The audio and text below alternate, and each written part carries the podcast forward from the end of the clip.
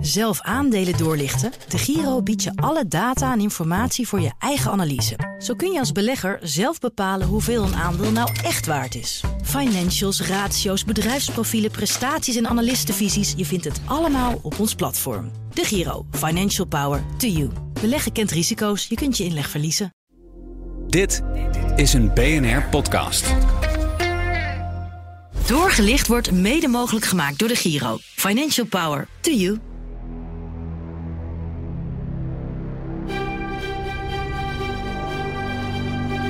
Chemiebedrijf DSM overweegt met zijn hoofdkantoor uit Limburg te vertrekken. Misschien zelfs helemaal uit Nederland. Ja, vanmorgen een persbericht. Ineens DSM en Firmenich, een Zwitsers bedrijf, gaat samen met DSM. Ze gaan fuseren, zeggen ze. This is a merger of equal. Every five to 10 years, we're checking whether we have a future-proof portfolio. And if we not, we innovate and we change. Ze maken ingrediënten voor voeding, cosmetica, pharma, materialen voor auto's, vliegtuigen, elektronica en nog heel veel meer. We hebben het over DSM Firmenich. En in deze aflevering van Doorgelicht richten wij de schijnwerper op het Nederlands-Zwitserse chemieconcern, zodat jij als belegger kan bepalen wat een DSM Firmenich aandeel nou echt waard is. We vertellen je het verhaal achter het bedrijf en we geven je een fundamentele analyse. Ik ben Nina van den Dungen, naast mij analist en vermogensbeheerder Jim Theopoering van 1 Vermogensbeheer. Hallo Nina. Hallo. Ja, DSM Firmenich. Het is een fusie die nog niet zo heel lang bestaat. Eerst had je natuurlijk de Nederlandse uh, koninklijke DSM en dan dus het Zwitserse Firmenich. Was die fusie een goede zet of is er een stukje Nederlands trots verdwenen? Ja, of de fusie een goede zet is, dat moeten we allemaal natuurlijk nog gaan zien. Want ja, eigenlijk is hij nog maar net gerealiseerd. Welk jaar? Uh, 2023. Hm. Dus een jaar eerder is hij voorgenomen. Maar ja, hè, autoriteiten moeten ermee akkoord zijn. Uh, de aandeelhouders moeten hun toestemming geven. Dus dat is een lang traject. Dat is uh, volbracht. Dus we hebben nu DSM Firmenich, Nederland-Zwitsers. Of eigenlijk zelfs wat meer Zwitsers. Ja? Want ja, daar is het bedrijf gezeteld. En ja, ik vind dat altijd een beetje moeilijker. Want als belegger moet je niet denken in nationale trots of uh, Hollandse ondernemersgeest. Hollands glorie. Nee, nee, het gaat uiteindelijk als belegger. Van waar kun je synergie creëren? Hoe kun je die omzet verhogen? En ja, de combinatie is wel een hele mooie aanvullende uh, producten, waardoor je misschien meer cross-selling kan doen ook. Ja. Nou, zonder al te veel vooruit te lopen op de, uh, op de zaken, op doorgelicht. Uh, denk ik dat het wel een hele passende fusie is. Oké. Okay. Heb jij deze gefuseerde partij in je portefeuille als vermogensbeheerder? Nee, niet meer. We hebben eerder wel belegd in DSM. En ik moet eerlijk zeggen, dat is al een tipje van de sluier. Als ik nu kijk naar het koersverloop, ben ik ook blij dat we ze niet in portefeuille hebben. Oké, okay, nou, belangrijke disclaimer die we altijd geven. Geen beleggingsadvies, hè? Nee, zeker niet. We, eh, we hebben geen beleggingsadvies natuurlijk. Je moet zelf nadenken. Beleggen, dat brengt risico's met zich mee. En ook heel belangrijk, resultaten uit het verleden, die bieden geen garantie voor de toekomst. Precies, en wat wij wel geven is informatie over dit soort aandelen en bedrijven, zodat je zelf een beleggingskeuze kan maken. En dan gaan we eens even beginnen met de geschiedenis van DSM. Ja, de fusie van de koninklijke DSM, oorspronkelijk uit Limburg en Firmenich uit Genève. Wij kijken natuurlijk vooral naar de geschiedenis van DSM. En dat verhaal begint in 1902 in Limburg. Dus meer dan een eeuw geleden. Nou, Jim, waar stond uh, Limburg vooral bekend om en nog steeds? Nou? Oeh, nou, ik weet het niet. Ik uh, denk aan uh, Fly natuurlijk, Ja. of Fla zoals ze het daar noemen. Uh, Carnaval? André Rieu, Amstel Gold Race, Maastricht.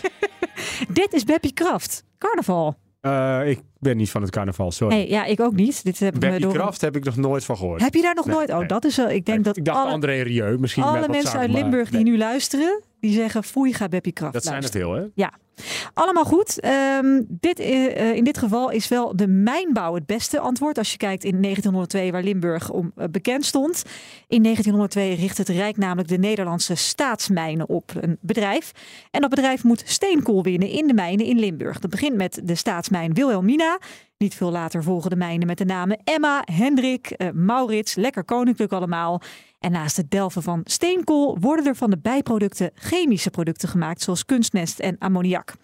Dat gaat in de eerste helft van de 20e eeuw allemaal best prima, totdat de kostprijs van steenkool steeds minder concurrerend wordt. Nederland gaat namelijk internationaal steeds meer samenwerken, hè, bijvoorbeeld met de Europese gemeenschap voor kolen en staal. En rond 1960 wordt toch wel duidelijk dat geïmporteerde steenkool een heel stuk goedkoper is dan steenkool hier uit de mijnen. Daarom besluit de overheid om de mijnen gefaseerd te gaan sluiten. Maar goed, je kan toch moeilijk ineens duizenden werknemers ontslaan. Tegenwoordig gebeurt dat makkelijker. Kijk maar naar de techsector, maar dat was toen echt ondenkbaar. En daarom besluit de overheid om het bedrijf Nederlandse Staatsmijnen een andere functie te gaan geven. De focus wordt gelegd op de petrochemie. Want daar heeft het bedrijf dan al langer ervaring mee dankzij het jarenlang delven van steenkool. Dat gaat ook goed. In 1967 besluit het kabinet dat het tijd is om het staatsbedrijf te verzelfstandigen. Het wordt een naamloze vennootschap en voorlopig nog wel met Nederlandse staat als de enige aandeelhouder.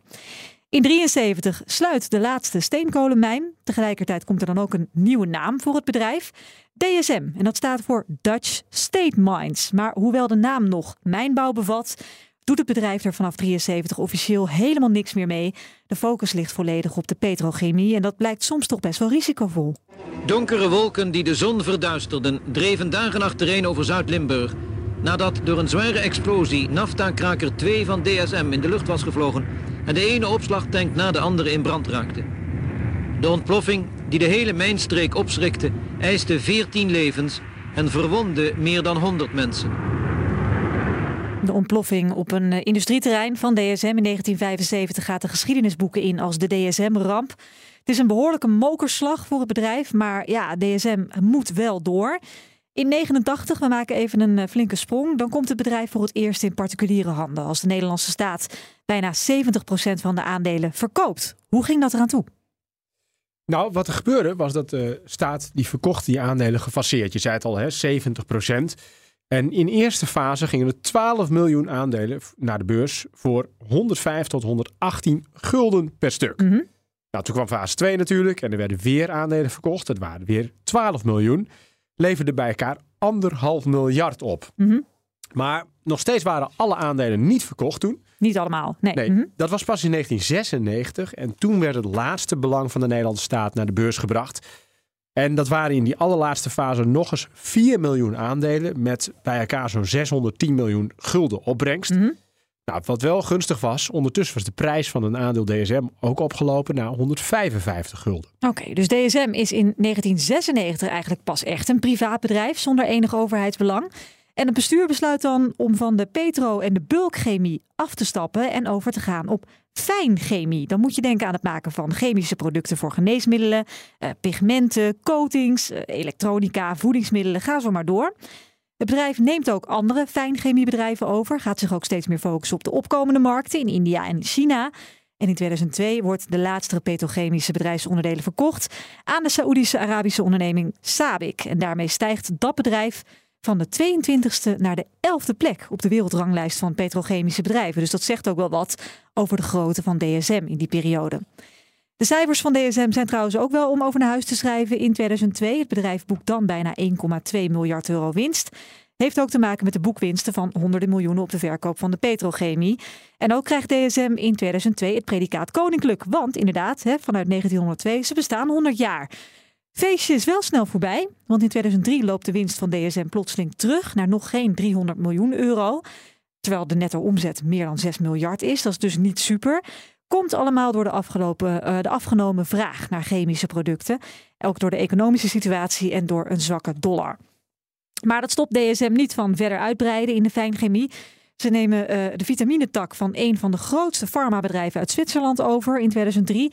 En volgen er in de jaren daarop nog veel meer overnames. En dat leidt dan tot de ambitieuze aankondiging van het bestuur dat 2008 een recordjaar zal worden. Enerzijds is dat waar en anderzijds niet. Hoe zit dat, Jim? Ja, in 2008 is de winst 577 miljoen euro. Mhm. Maar 2008, De kredietcrisis begint. Precies. Ja. wereldwijde economische crisis. En ja, de toekomst ziet er dan helemaal niet zo goed uit voor DSM. Niet specifiek voor DSM, eigenlijk voor alle beursgenoteerde bedrijven. En de koersen die gaan ook hard naar beneden. In 2009 neemt de winst met 42% af naar 337 miljoen euro. Mhm. Dat is overigens nog wel een winst. Maar Ja. in het vierde kwartaal van het jaar wordt er zelfs verlies geboekt. Dus DSM die moet ook ingrijpen en kondigt een flink kostenbesparingsprogramma aan. Er gaan banen verloren. eh, en er moeten ook onderdelen worden verkocht. Dus Ja. ja, eh, de omzet is gedaald 20% en het aandeel is gehalveerd. Hm. Klinkt niet best, maar goed, het ingrijpen helpt wel om de cijfers wat op te krikken. In 2010 wordt er eh, 507 miljoen euro winst geboekt. In 2011 814 miljoen. In de jaren die volgen gaan de overnames door en blijft de winst vrij constant, zo tussen de 500 en 800 miljoen euro per jaar. In 2021 dan verandert er iets, want dat jaar is de winst ineens meer dan anderhalf miljard euro. En dat komt volgens DSM-bestuursvoorzitter Dimitri Edward de Vrezen door een simpel gegeven. heel veel disrupties in, in, in de supply chain. Dus er moet heel veel werk verrichten. Ja, het is duidelijk dat, eh, dat onze producten en onze oplossingen voor klanten eh, heel duidelijk eh, geapprecieerd worden. En derhalve kunnen we een deel van die kosten doorrekenen. Ehm, maar het is, het, is, het is heel hard werk. Ja, tijdens corona reizen de kosten van de grondstoffen de pan uit. En laat dat nou net de sector zijn waarin DSM actief is. En het begint dat jaar ook een beetje te rommelen. Chemiebedrijf DSM overweegt met zijn hoofdkantoor uit Limburg te vertrekken. Misschien zelfs helemaal uit Nederland. Reden, de provincie Limburg twijfelt over een subsidie van bijna 2 miljoen euro. DSM zou dat geld krijgen voor de verhuizing van zijn hoofdkantoor vanuit Heerlen naar Maastricht. Daar was al de nodige ophef over. Nou, politiek gekrakeel zou je zeggen. Maar financieel gaat het dus in 2021 wel heel goed met DSM. In 2022 boekt het bedrijf ruim 1,7 miljard euro winst op een omzet van ruim 8 miljard euro. En om de verdere groei mogelijk te maken, besluit het bestuur dus inderdaad om te fuseren met Firmenich, een privaat Zwitsers chemieconcern. Een jaar later, 2023, is de fusie dus een feit. Dat is goed nieuws voor DSM. Maar toch wel slecht nieuws voor de Nederlandse staat. Want de juridische notering van het bedrijf verhuist ook naar Zwitserland.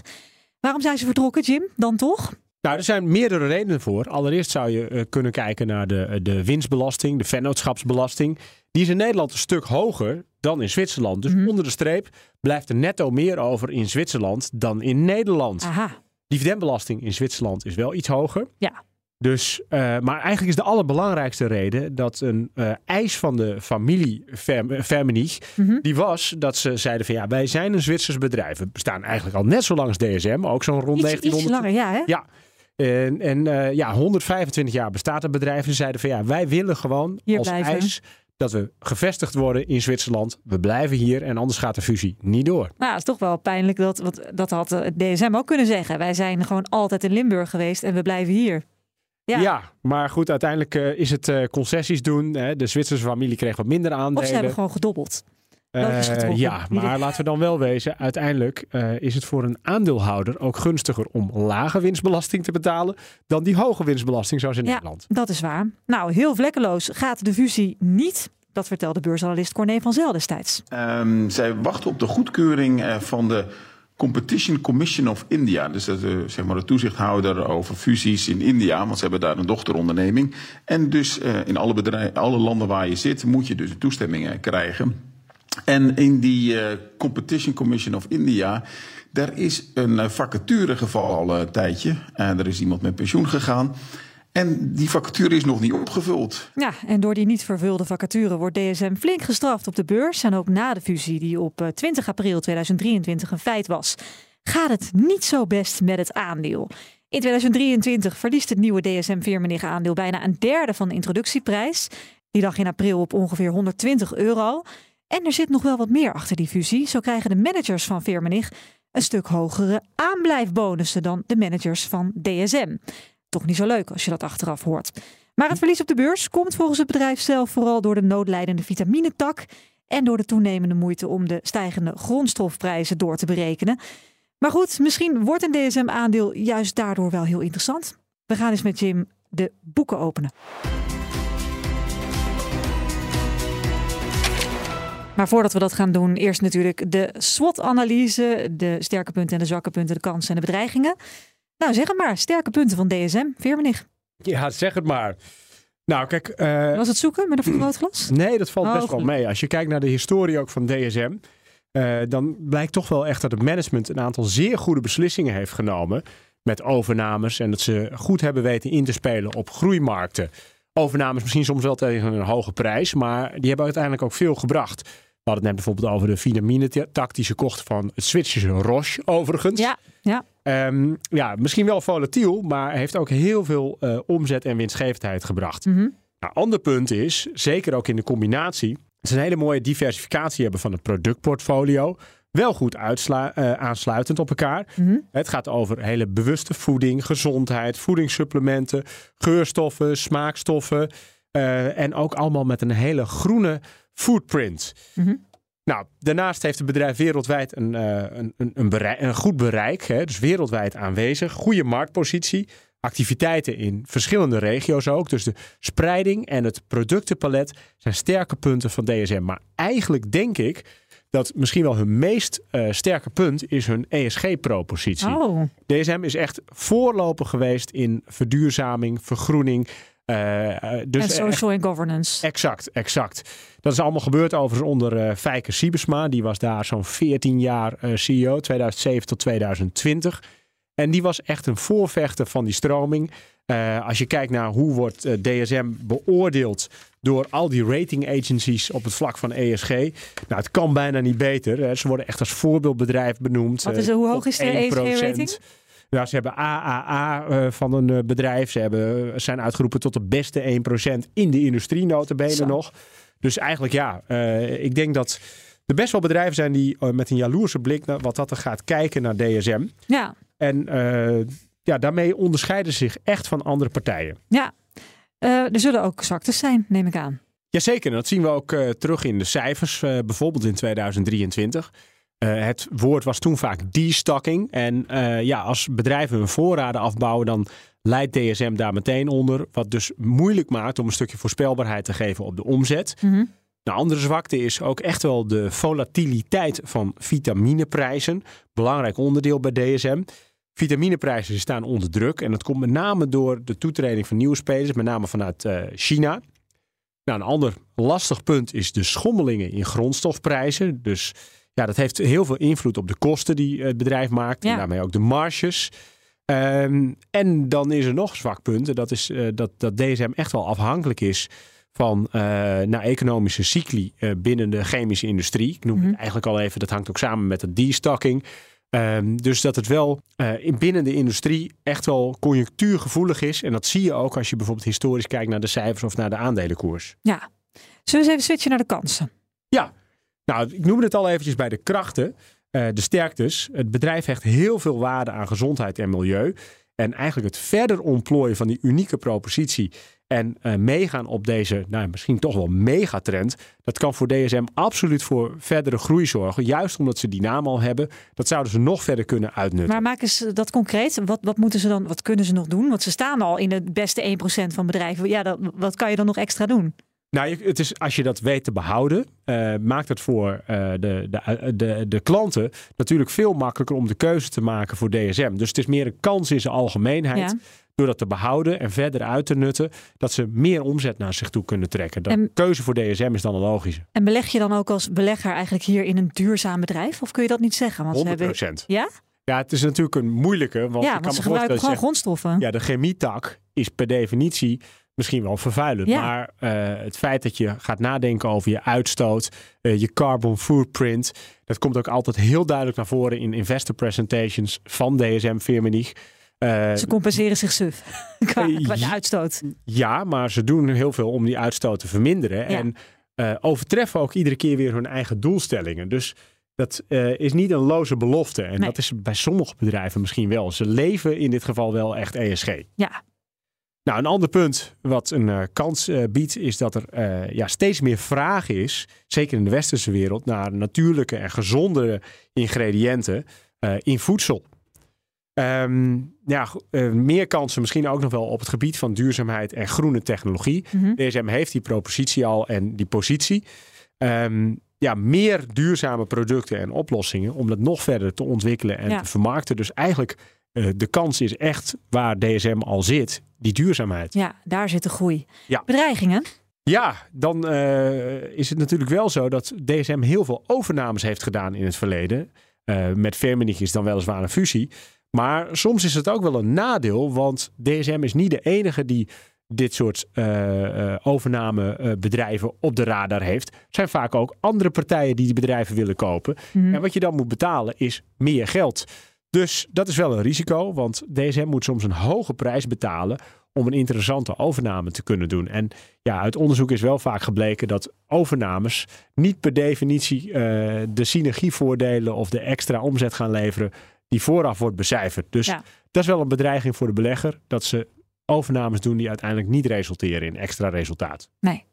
Boeken, of heb je nog meer bedreigingen? Nou, kijk, de, de intense concurrentie die er is, dat is echt wel een bedreiging. Eh, DSM is niet de enige speler. Wie zijn de grootste concurrenten van eh, DSM? Nou, we hebben het de hele tijd over DSM. Eigenlijk moeten we natuurlijk nu wel echt zeggen DSM Vermenie. Ja, dat weet ik. Want Maar voorheen dat- zou DSM is ze- makkelijker. Ja, dat is, dat is makkelijker. En voorheen zou ik bijvoorbeeld zeggen, Duitse Bayer is een concurrent.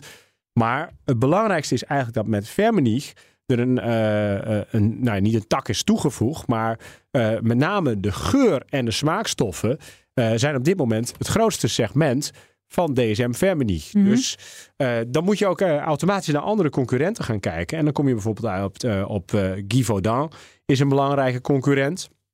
Ja. Ook een Zwitsers bedrijf. Dus vooral ook in die geur- en smaakstoffen. Je hebt een Duits bedrijf, dat heet Simrise. Ook nog een Amerikaans bedrijf, dat heet eh, eh, IFF, de International Flavors and Fragrances. Echt allemaal nooit van gehoord. Nou, Givaudan ken je wel, toch? Nee. Nee? Nee. Nou goed. eh, ja, deze. Als je bij wijze van spreken eh, in chips bijt, dan komt daar een geur vanaf. Ja. En dat is eigenlijk helemaal niet wat je proeft. Maar die geur die wordt toegevoegd door de componenten van ja, of door Givaudan. Givaudan. Dus het gaat echt over geurstoffen en smaakstoffen in voeding, maar ook natuurlijk in parfums. Ja. Dus zonder eh, dat je het eh, de hele tijd door hebt, maak je dagelijks gebruik van dit soort geuren en smaakstoffen.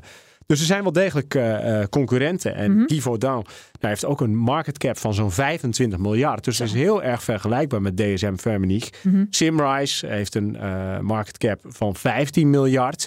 Dus het is een behoorlijk ja, gelijkmatig verdeeld eh, Ja. bedrijf wat dat er gaat. Ook Ja. als je kijkt naar de omzet bijvoorbeeld. eh, dan is DSM Firmenich wel echt de grootste. Die heeft een omzet van zo'n 13 miljard. Mhm.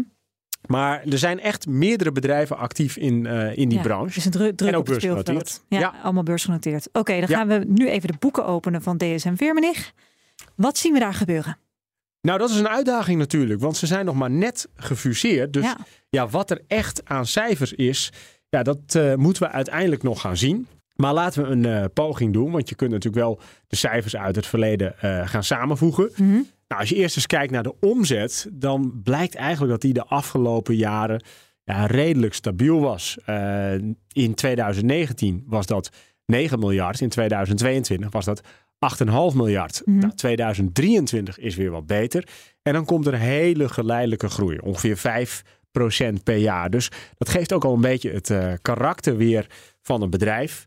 Dat het is eh, ja, geleidelijke groei, wat saaien, maar toch ook wel in de omzet wat beweging door de eh, schommelingen in prijzen. Ja. Ehm, ja, ook als je kijkt naar wat blijft er dan over. Ehm 2023 is de verwachting dat er zo'n 1,1, 1,2 miljard aan operationeel resultaat is. Nou, reken je dat verder door, dan kom je op eh, een, een winst per aandeel van ongeveer 2 euro. Mhm. Zet je dat af tegen de huidige prijs, want dan gaan we al een beetje naar waardering. Nou, dan is dat toch nog wel stevig. Beleggers krijgen wel dividend. Ja. 1,60 euro over 2023. Ja. En dan heb je het over zo'n 2% dividendrendement. Maar daarbij moet gezegd worden, 2023 is een slecht jaar. Kijk je naar de jaren daarvoor, was het dividendrendement aantrekkelijker, was de winst per aandeel teruggerekend een stuk aantrekkelijker. Dus 2023 is het fusiejaar. 2023 is ook het jaar waarin het tegen zit, met name door bijvoorbeeld die dalende vitamineprijzen. Eh, en dat destocking, wat ik eerder ook bij de eh, zwaktes heb genoemd. Maar was dat ook de reden waarom die beursgang eigenlijk niet, eh, niet goed ging? Althans niet vlekkeloos. Hè? Meteen een, een derde van de introductieprijs ging eraf. Ja, dat klopt inderdaad. De markt zit tegen. En als je nog wat verder terug gaat kijken, dan zie je ook dat de koers van DSM, de oude koers van DSM, nou, die is gewoon gehalveerd. Ja. Dus eh, beleggers in DSM of DSM Firmenich, die hebben het best wel zwaar. En eh, dat betekent niet dat de fusie niet positief is, maar wel dat op dit moment het, eh, nou ja, de conjunctuur tegenzit. En naar de toekomst toe er echt wel weer ruimte is voor groei.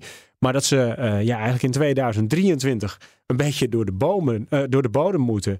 En ja, ze hebben ook uh, hun, hun, uh, hun, hun, verwachtingen een paar keer moeten bijstellen richting beleggers. In negatieve zin uiteraard. Mm -hmm. En aldoor was het weer van ja, het komt door de vitamines. Het komt door de vitamines. En de concurrentie vanuit China. Dus ja, DSM heeft het wat zwaarder. DSM Vermenich. Dus ja. wat jij zegt is waar. De fusie nou, had qua timing misschien beter gekund. En heeft beleggers vooralsnog niet gebracht wat ze ervan hadden gehoopt. Maar het is nog maar heel kort geleden. Dus wat dat betreft is er misschien nog wel hoop. Maar we gaan eens even naar een conclusie.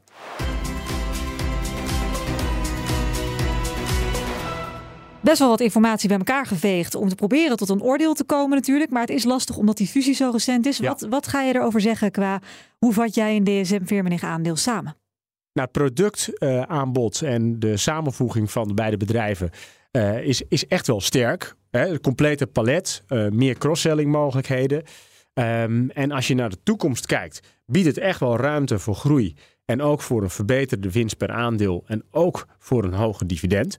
Allemaal positief. Nou, op het moment van opnemen noteert dat aandeel zo rond de 90. Eind 2023. Hm. Ja, en afhankelijk natuurlijk van hoe positief je bent, valt er zeker wel een casus te maken dat het aandeel weer terug naar 110, heel misschien 120 kan. Ja. Maar pas dan ben je op het niveau waar eerder zeg maar de fusieprijs uh, begon. Ja, dus um, beleggers die er al in zitten, die zullen nog even geduld moeten hebben.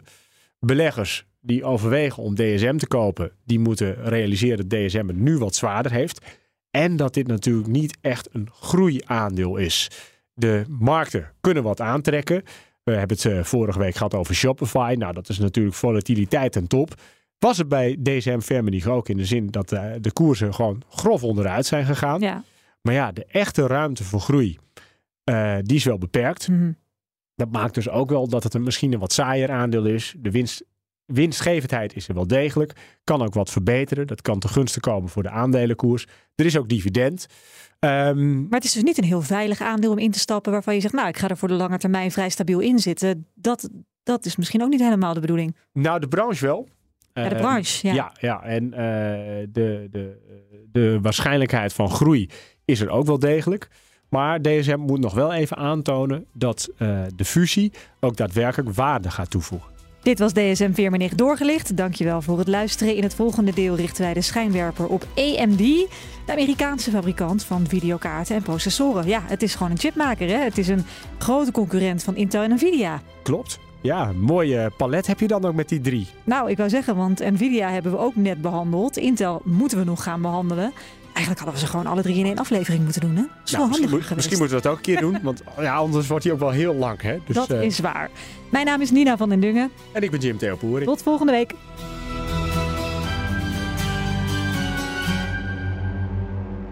Doorgelicht wordt mede mogelijk gemaakt door de Giro. Financial Power. To you.